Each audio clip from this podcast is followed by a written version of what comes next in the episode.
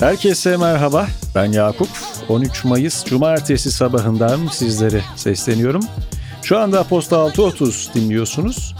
Malumunuz son günlerde hepimizin tek bir gündemi var. Seçime tam bir gün kaldı.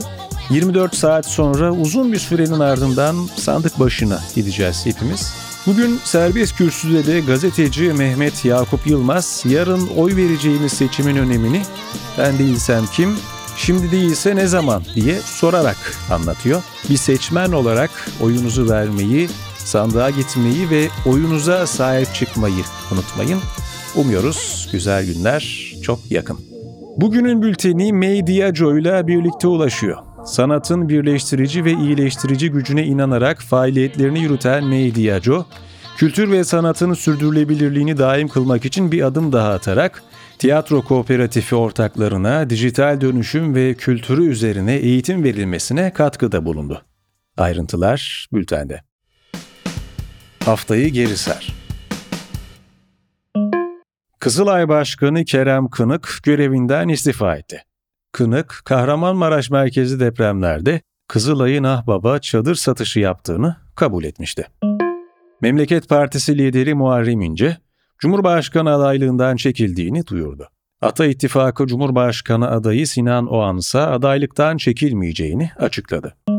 İBB Başkanı Ekrem İmamoğlu'nun Erzurum mitingine taşlı saldırı düzenlendi.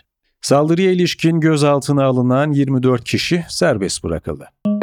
Sakarya'da da Millet İttifakı'nın Cumhurbaşkanı adayı Kemal Kılıçdaroğlu'nun aracına taş atıldı.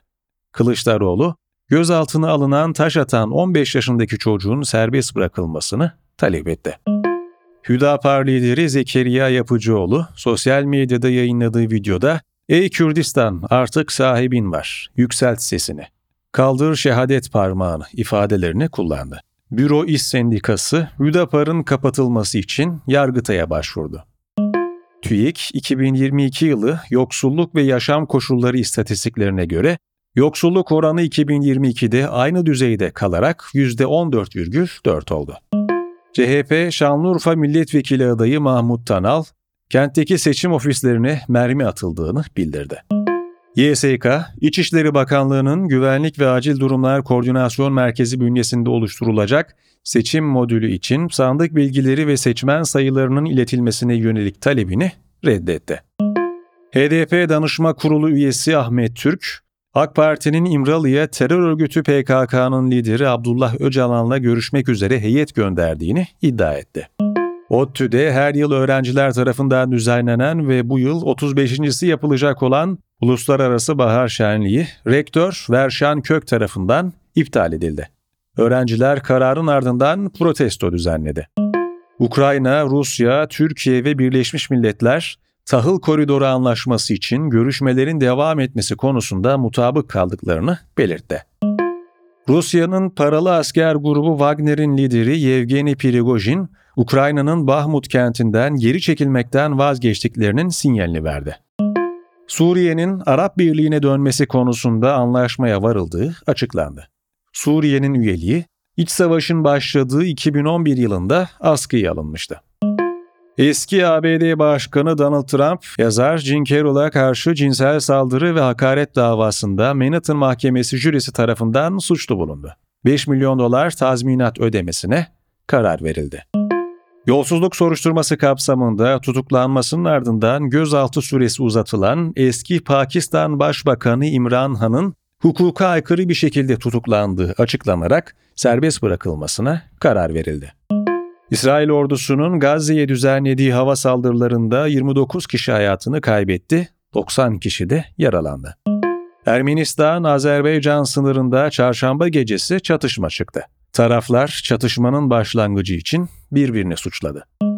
ABD'nin Meksika'dan sınırı geçmeye çalışan sığınmacıları hızlı bir şekilde sınır dışı etmesine olanak tanıyan 42. madde sona erdi. Twitter'ın CEO'luğunu bırakacağını açıklayan Elon Musk, eski NBC Universal reklam şefi Linda Yaccarino'nun yeni CEO olacağını söyledi.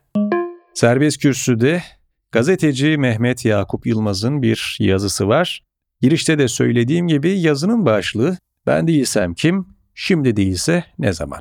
Bugün bildiğimiz anlamda bir seçime çok benzemiyor olsa da bu topraklarda ilk seçimi 1877 yılında yaptık. Benim için ilginç bir tesadüf eseri ilk kez oy kullandığım seçimde bundan tam 100 yıl sonrasına denk geliyor. 5 Haziran 1977'de yapılan genel seçim. O günden beri de her seçimde oy kullandım. Tatile gittiysem oy kullanmak için döndüm. 14 Mayıs 2023 günü yapılacak seçim, oy kullanacağım kaçıncı seçim olacak diye merak ettim, üşenmedim ve saydım.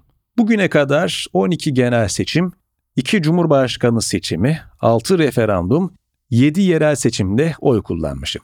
Fena bir rekor gibi durmuyor ve sanırım daha çok seçim göreceğim. Seçimlere katılım Türkiye'de genellikle %85'ler civarında oluyor. Siyasi ortamın çok gerildiği dönemlerde bunun biraz üstüne çıkıyor, diyor Mehmet Yakup Yılmaz ve detayları bültende sizlerle paylaşmaya devam ediyor. Devamı için Serbest Kürsü kanalına göz atmayı unutmayınız. Kültür ve sanat 69. Sait Faik Hikaye Armağanı'nın kazananı belirlendi. Başkanlık görevini Doğan Hızlan'ın üstlendiği ve Hilmi Yavuz, Nursel Duruel, Profesör Doktor Jale Parla, Beşir Özmen, Metin Celal ve Jale Özat'a dirlik yapandan oluşan seçici kurul, ödülü Ayşegül Devecioğlu'nun Anatomi Dersi adlı kitabına oy birliğiyle vermeyi kararlaştırdı. Londra Tasarım Biyaneli 2023'ün Türkiye pavyonunda Türkiye'yi Melek Zeynep Bulut tarafından tasarlanan Açık Yapıt projesi temsil edecek. Orhan Pamuk, geçtiğimiz ay Romanya'nın tarihi Timișoara kentindeki Batı Üniversitesi'nden, bu ay ise Paris Nanterre Üniversitesi'nden şeref doktorası aldı. Nobel ödüllü yazar Mayıs ayı boyunca Paris'teki Collège de France'da da her hafta roman sanatı hakkında bir konuşma yapacak. Sinema ve televizyon 80. Venedik Film Festivali'nin jüri başkanı Damien Chazelle olacak. Saint Omer filmi ile Venedik Film Festivali'nde Gümüş Aslan ödülüne uzanan Alice Diop ise Luigi De Laurentiis jürisinde başkanlık görevini üstlenecek. Locarno Film Festivali'nin onursal Altın Leopar ödülü Harmony Corin'e takdim edilecek. Festival 76. edisyonuyla 2-12 Ağustos tarihleri arasında düzenlenecek. İstanbul Erkek Lisesi Sinema Kulübü'nün 2003'ten beri düzenlediği bu sene 20.si gerçekleşecek Altın Boğa Kısa Film Festivali'ne başvurular başladı. Türkiye'nin ilk liseler arası kısa film yarışması olan Altın Boğa Kısa Film Festivali'nde başvurular için son tarih 2 Haziran.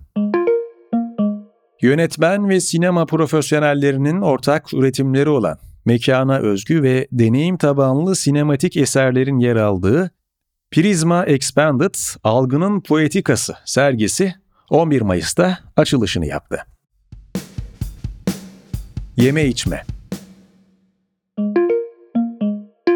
İspanya'da kadınlara yönelik düzenlenen koşu yarışı Carrera de la Mujer'in organizatörleri kazanana ödül olarak mutfak robotu verdikleri için cinsiyetçilikle suçlandıktan sonra özür diledi. Brad Pitt, Familia Perrin şarapçılık ailesinden Matthew Perrin ve alkollü içecek endüstrisinde 40 yılı aşkın süre Tanqueray'in damıtma ustalığını yapan Tom Nicol gibi önemli isimlerle birlikte The Gardener French Riviera adında yeni bir cin piyasaya sürüyor. Müzik 28 Mart'ta uzun zamandır tedavi gördüğü kanser nedeniyle yaşamını yitiren Yuichi Sakamoto'nun yeni albümü Travezia yayımlandı.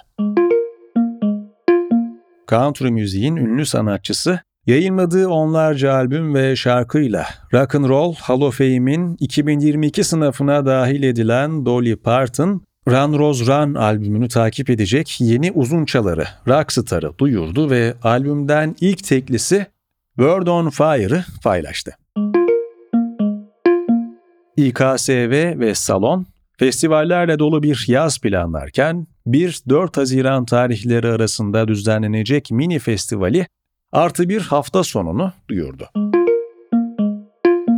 Big Beat, Breakbeat ve Tekno gibi janrları yeraltının raver dans kültürüyle bir araya getiren grup The Prodigy, 2013 yılında gelmeye yazdığı İstanbul'u yeniden rotasına koydu. Grubun punk yüzü olan dansçı ve vokalist Keith Flintin hayatını kaybetmesinden sonra bir ikiliye dönüşen The Prodigy, orijinal kadrosuyla son İstanbul konserini 2009 yılında Rock'n'Coke'da vermişti.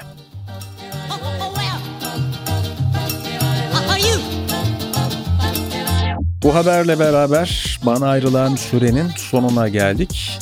13 Mayıs Cumartesi gününde mikrofonun başındaydım. Detayları sizlerle paylaşmaya çalıştım. Bugünün bülteni May Diageo ile birlikte ulaştı. Haftaya daha güzel bir gündemde, daha hafiflemiş bir ortamda yeniden görüşmek üzere. Kendinize iyi bakın. Hoşçakalın.